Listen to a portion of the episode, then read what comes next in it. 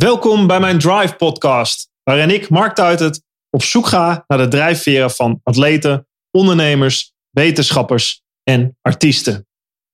Deze podcast wordt mede mogelijk gemaakt door First Energy Gum. First is een kauwgom gebaseerd op natuurlijke cafeïne die een gezonde energy boost geeft om meer uit je dag en je leven te halen. First Energy Gum wil een bijdrage leveren aan iedereen die wordt gedreven door positieve energie, van topsporter tot werknemer. First is suikervrij, vegan en alleen online verkrijgbaar. Voor meer informatie kijk op www.firstenergygum.com. De tweede podcast met Jack Ori gaat specifiek over trainingssturing. Met als leidraad de weg naar Olympisch goud die wij samen aflegden. Jack gaat nog dieper in op trainingsleer, wat tot mooie inzichten leidt. Zoals de werking van energiesystemen en de Central Governor theorie. En nog veel meer. Luister naar en leer van Jack Ori. Ja, dit is podcast 2 eh, met Jack. Eh, met Jack Ori. Jack, eh, ja, ja, je vertelde al eerder over uh, je droom wetenschapper te worden. Nou, je werd schaatscoach. Schaatscoach wetenschapper. Dus tegenwoordig bijna hetzelfde. Maar je droom om te promoveren, die is er nog steeds. En die ga je ook waarmaken. Ehm, en ik mag daar het onderwerp van zijn. en ik dacht, het is wel leuk om de mensen mee te nemen. Kijk, wat, wat jouw aanpak typeert, uh, dat is leuk als we erover hebben. Maar het is, ik ben dan het leidend voorwerp. Um, misschien is het wel leuk om, om uit te leggen uh, hoe dat onderzoek in elkaar zit, waar het uit bestaat. Uh, zodat mensen, nou, dat het kunnen uitleggen hoe het werkt. Wat, er, wat, wat, wat erin zit, wat eruit komt. Het resultaat daarvan was Olympisch goud, dat weten we. Maar dat hele proces daar naartoe. Um, hoe heb je dat, hoe heb je dat aangepakt? Ten eerste, wat was, wat was de vraag? Wat was, wat was het onderzoek? Hoe heb je dat neergelegd? Nou, de bedoeling van het hele onderzoek, hè, dat, dat gaat over uh, training en trainingssturing. Ja. En daar hoort bij van hoe stuur, ik, hoe stuur ik? En daar zit dan een gedeelte in van wat je erin stopt en hoe je dat doet. En aan de andere kant, hoe meet je het? Mm En dat is zeg maar de methodiek die ik gebruik. Is dat ik stuur, is eigenlijk een, een cirkel. Ik, ik meet, ik train, ik meet, ik train, ik meet, ik train. Ja. Zo'n soort cirkel. En ik blijf elke sturen en elke keer. En dan in het midden staat dan leren. Daardoor leer je. Dat ik elke keer testen, testen of meten. En dan ga je weer trainen of wedstrijden. En dan ga je weer testen. En elke keer blijf je maar die cirkel doorlopen. En wat doorlopen. En elke keer probeer je bij elke stap probeer je weer beter te worden dan je was. Ja. En dat probeer je op zo'n objectief mogelijke manier te doen. En daar gebruik je dan iets van uit een wetenschappelijke gereedschapkist. Hou je daar statistieken uit. En, en dat is dan eigenlijk een beetje wat je doet. En uh, dus het gaat over meten, training, sturing. En uh, jij bent er een, een, een, een, een onderdeel van. Omdat uh, ja, een, heel, een heel, uh, hele publicatie gaat ook over jou. Mm -hmm.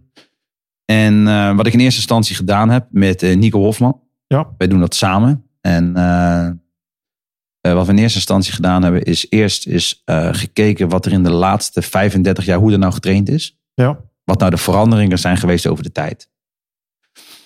Um, nou, daar zie je hele leuke dingen. En dan zie je dat dat polarized trainen eigenlijk ook terugkomt ja. in waar wij gewoon naartoe zijn gegroeid in het schaatsen. Dat, Even dat, ter, ter, gepolariseerd trainen.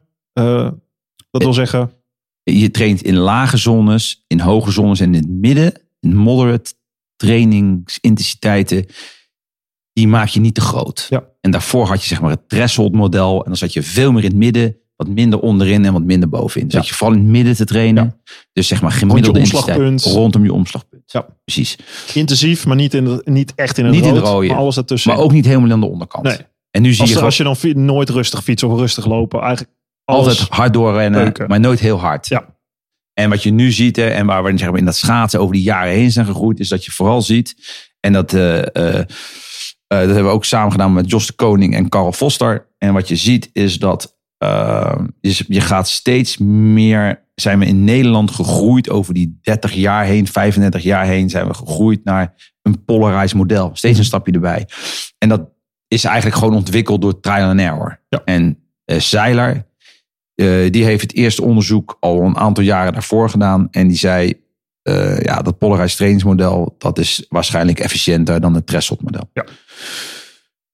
Um, nou, vervolgens uh, hebben we natuurlijk een volgorde erin.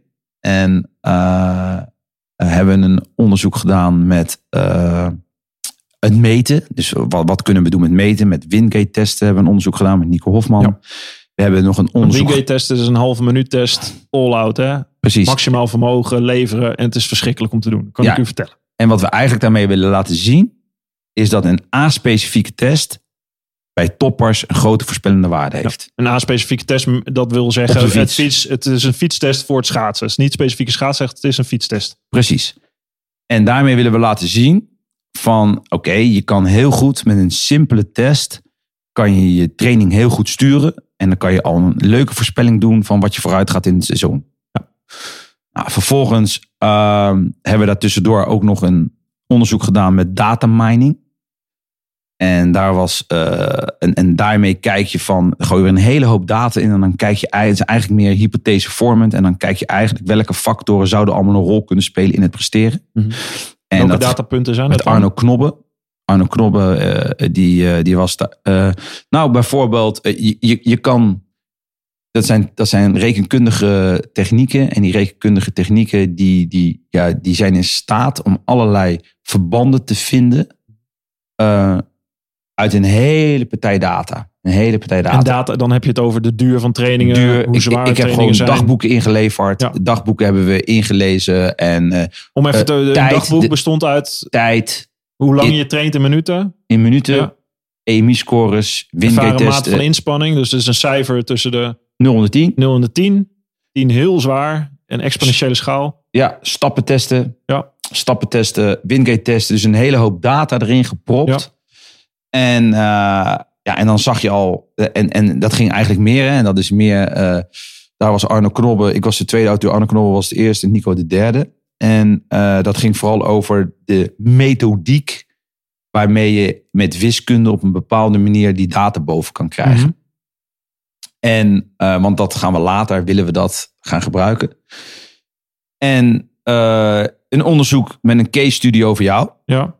En eigenlijk zit daar een hele hoop in, in die we in die vier jaar geleerd hebben. En ik kreeg natuurlijk in die vier jaar een hoop dingetjes door. En dat heeft ermee te maken, niet omdat je nou een, eh, een veer in je kont wil steken, maar jij gaf altijd hele strakke feedback. Mhm. Dus dat was makkelijk. Ja, er waren meer, maar jij deed dat ook.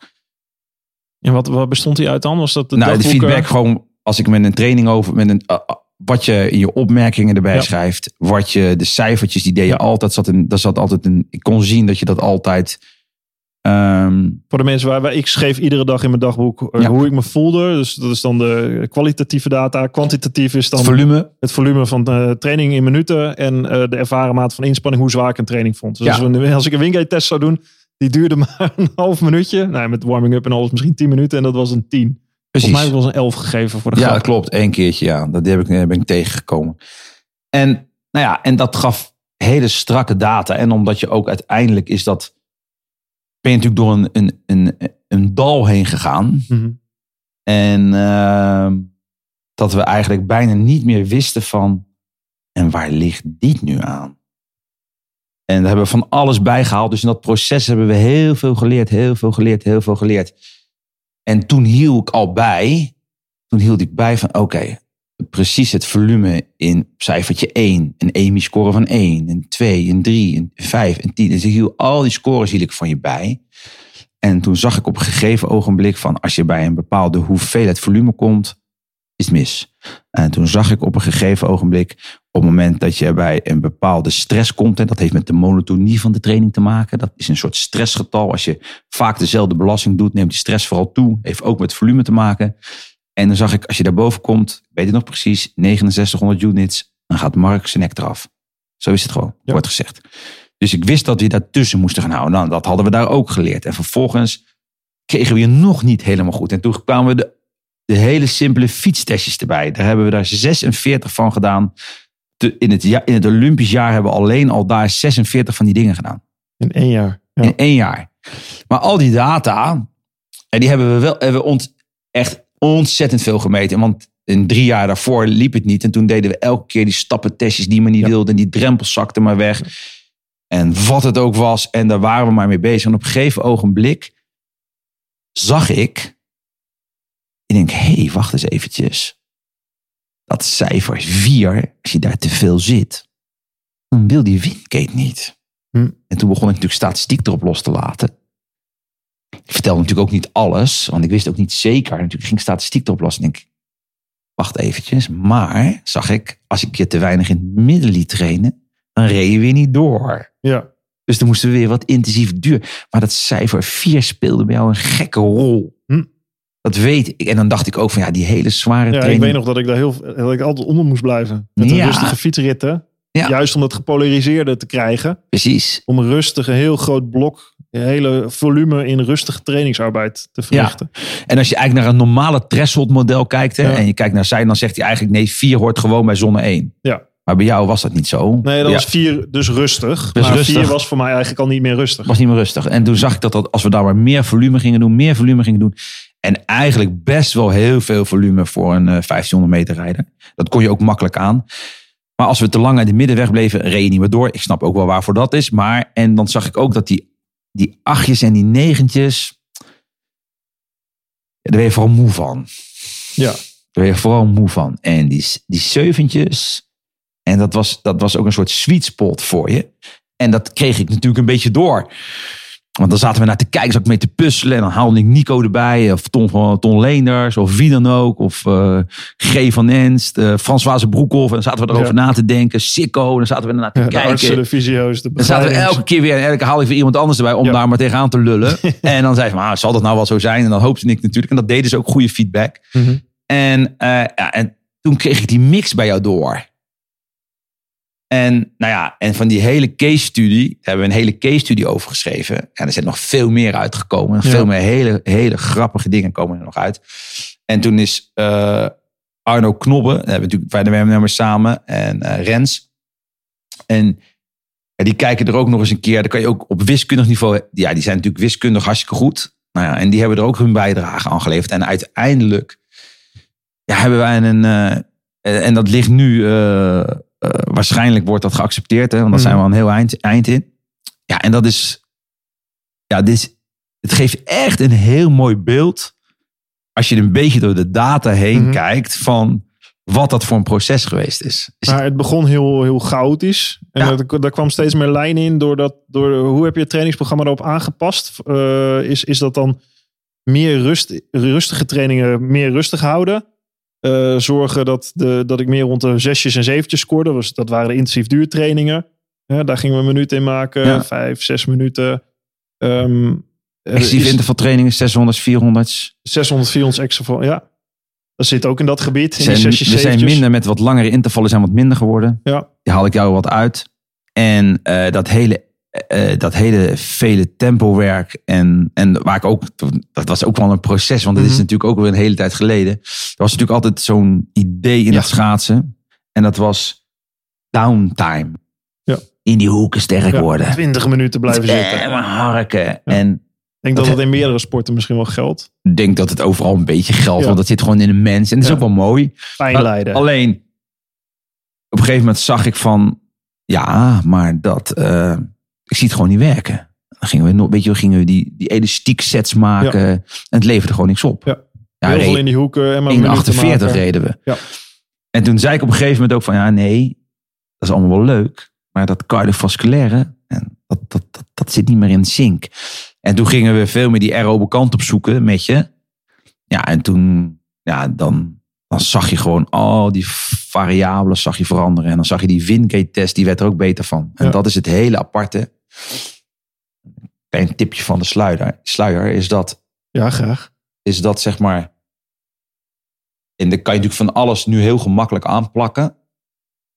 Maar. eh, en, en, en iedereen die natuurlijk. eh, verstand van training heeft, zegt ja, natuurlijk. Ja, dat is allemaal, dat weet ik. Maar wat je ziet is dat het hele rustige.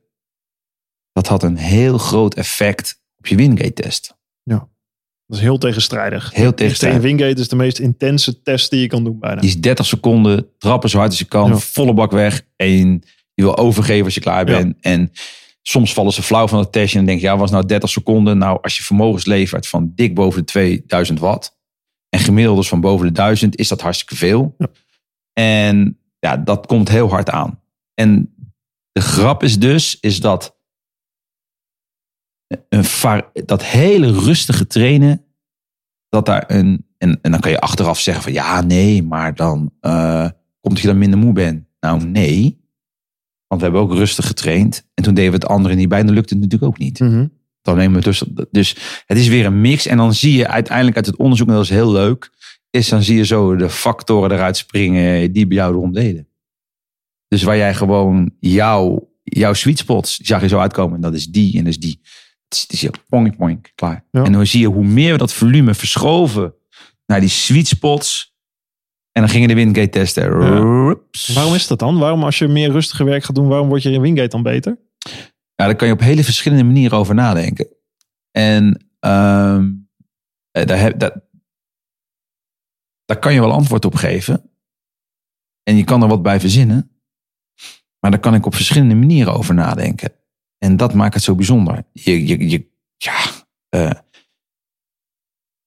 je kan natuurlijk nadenken over. ehm, wat, ik, wat ik eigenlijk denk, is dat die aerobe kant die je daarmee traint, die, die, die, die, die, die, die veranderingen die je in je lichaam aandoet met aerobe werk, Mhm. aerobe gewoon op het Hart, lage longen, niveau, bloedvaten. dat, dat dat gewoon, dat, ze hebben het dan wel eens over dat governor model hè, van Noakes. En het lijkt net of je lichaam, als daar dat nou maar heel goed voor elkaar is, dat je lichaam de ruimte aan de bovenkant geeft. Dat hij dan als het ware het vrijlaten zegt van, jij bent zo, dit is even heel simplistisch. Ja.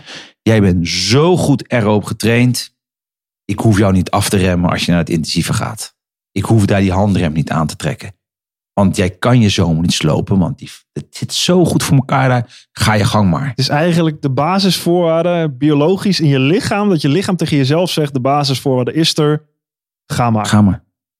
Doe maar. Doe maar. Je hoeft niet, ik, ik ga die vaten, ik ga die vasoconstrictie, het afknijpen van je bloedvaten. Ik, ik ga het gewoon niet zo makkelijk. Ik ga wel ingrijpen. Als je het gek maakt, ga ik ingrijpen. Denk dat, zo zie ik dat voor me. Ja. Maar ga maar voorlopig, joh. Want die, lak, die, die, die, die, je kan die, die, die pH kan je wel op orde houden.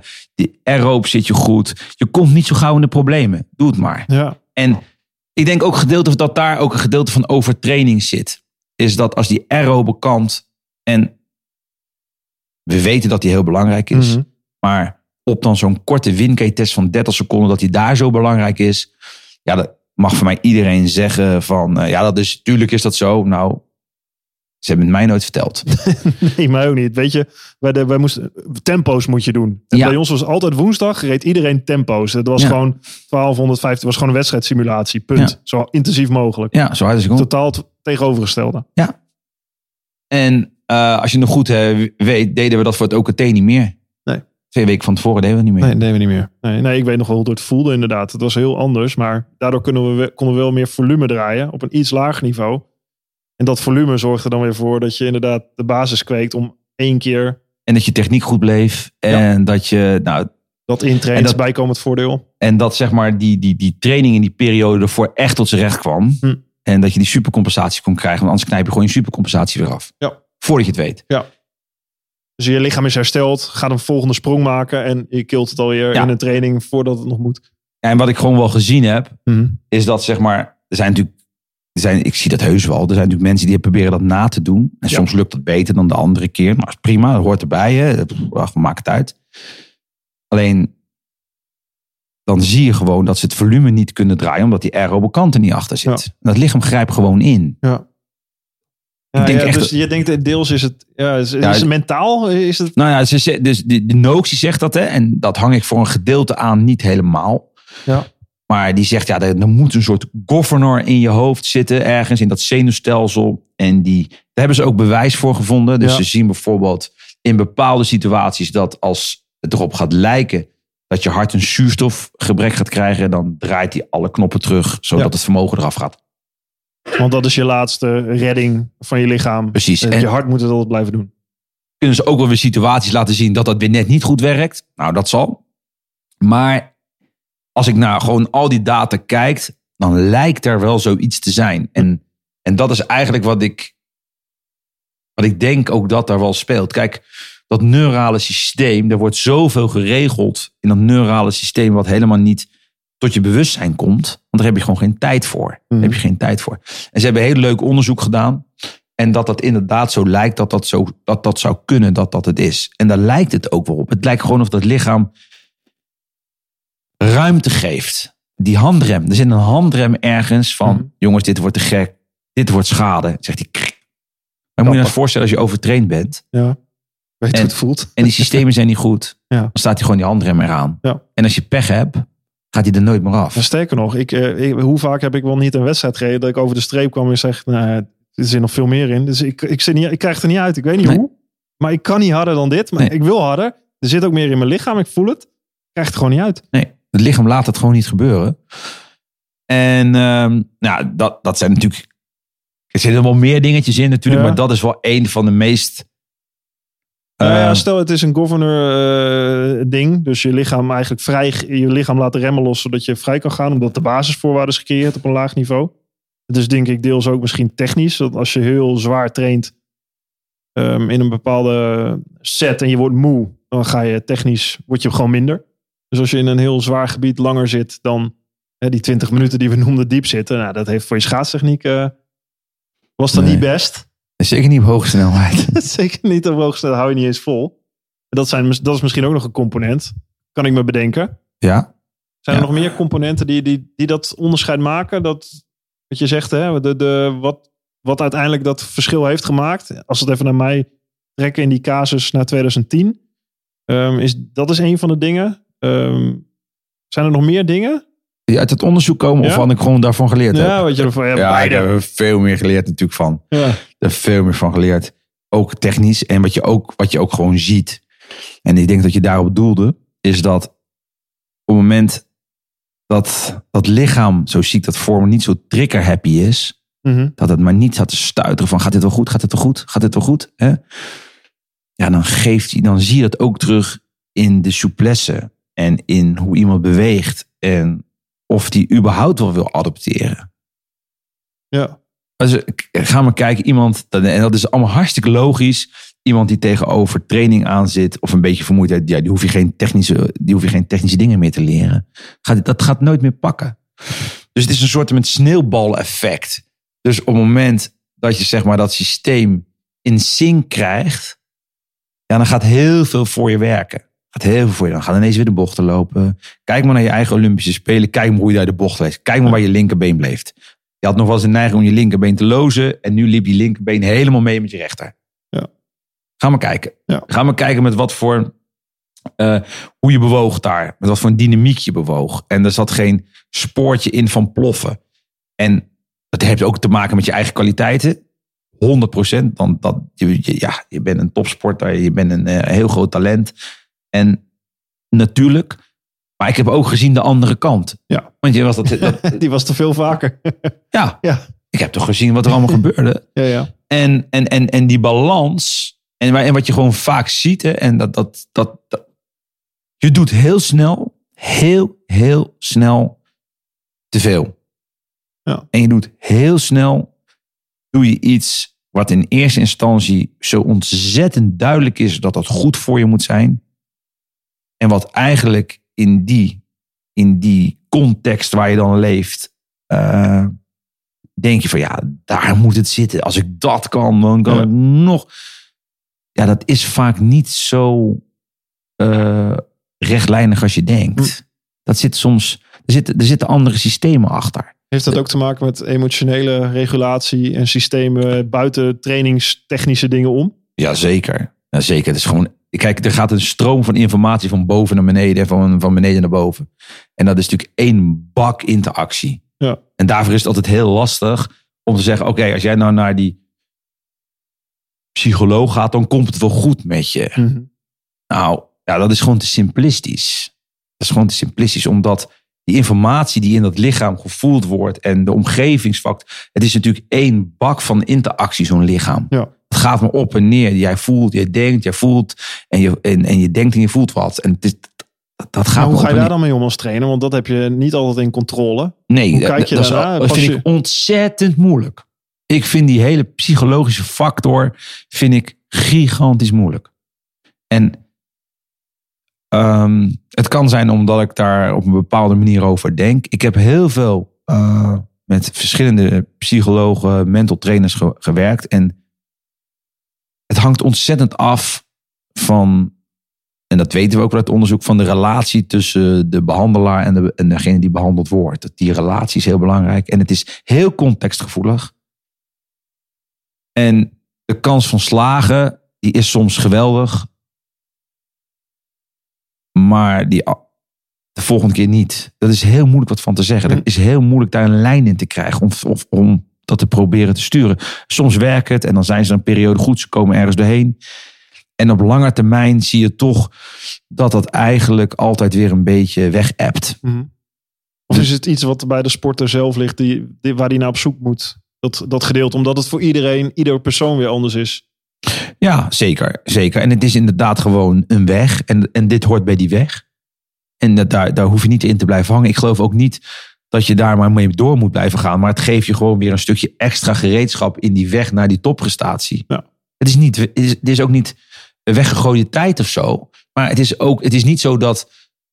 Uh, en er zijn zoveel wegen naar die top toe. Mm dat, er is ook niet één de beste. Alleen, ja, het, is, het hoort een stuk bij dat pad. Het is, het is een onderdeel van dat proces.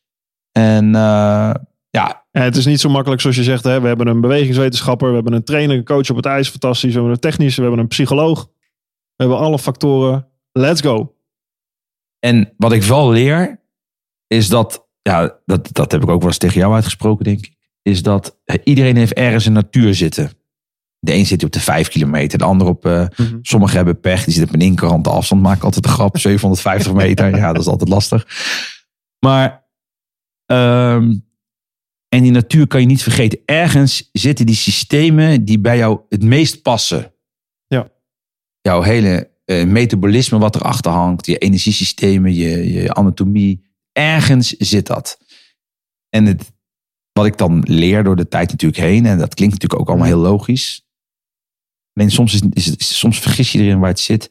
En als iets niet goed gaat, ga maar terug naar die natuur. Ja. En ga daar maar van weer naar de breedte toe, naar andere afstanden. Ga daar maar proberen, want anders doe je dat lichaam. En je terug naar goed. Bijvoorbeeld Sven Kramer nu, vijf kilometer. Daar ben je goed in. Ga dat maar doen. Eerst dat de basis weer vastpakken. En dan kan je het, maar als je op die, je komt er gewoon niet. Je moet elke keer maar weer uit die natuur redeneren en redeneren. Waar zit, waar, waar zit zijn, waar zit, waar zit het hart? Ja. Waar zit het hart van die, van die, van die, van die sporter? Omdat hij daar ook zelfvertrouwen mee... Dan gaan weer andere processen mentaal ook aan. Emotioneel ook aan. Word je blijer om te sporten. Je krijgt meer zelfvertrouwen mentaal. Ja. In je, je fysieke basis, daar kun je uitputten. Dus je moet weer terug om alles even goed te resetten. precies, je moet terug naar waar, waar, waar zeg maar de kern zit. Waar het begonnen is eigenlijk een beetje bij je. En wat ik ook steeds meer leer. Alleen ja, dat wordt misschien wel heel erg zweverig voor je het weet. Nou, Alhoewel.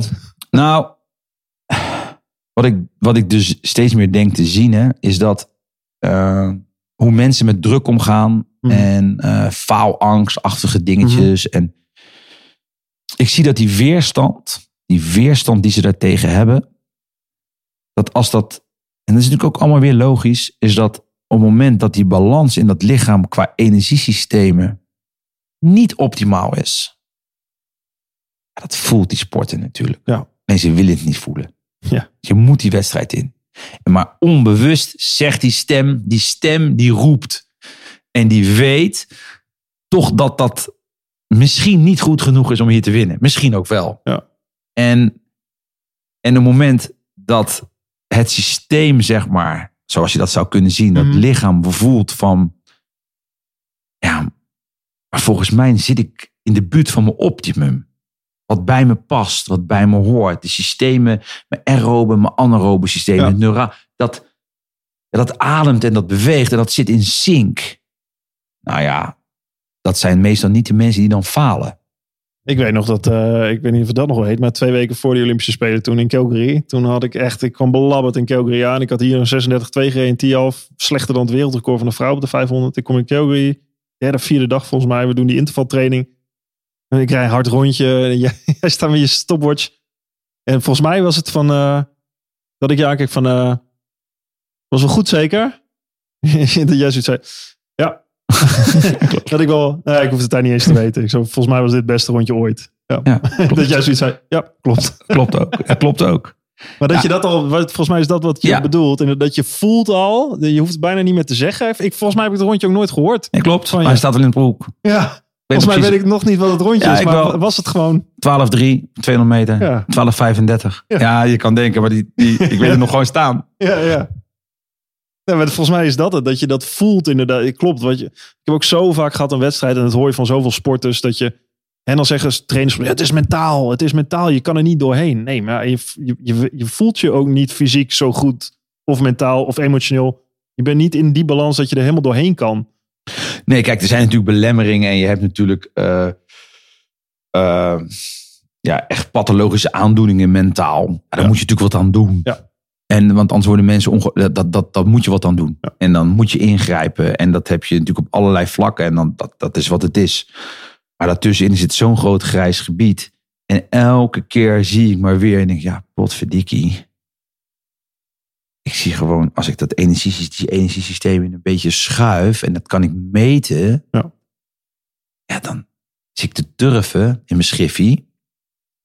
En dan denk ik bij mezelf, ja, ik kan zeggen wat je wil, maar die jongen is nou toch wel een heel stuk vrolijker. Ja, En ik zie toch dat hij veel meer een weerstand heeft. Ja. En ik zie toch dat hij anders met die wedstrijden omgaan. En met slechte wedstrijden. En hij blijft positiever. Ja, en dat is natuurlijk ook allemaal best wel logisch. Je, als, als, als die fysiologie. Je, je- er wordt te makkelijk gedacht van, oké, weet je wat?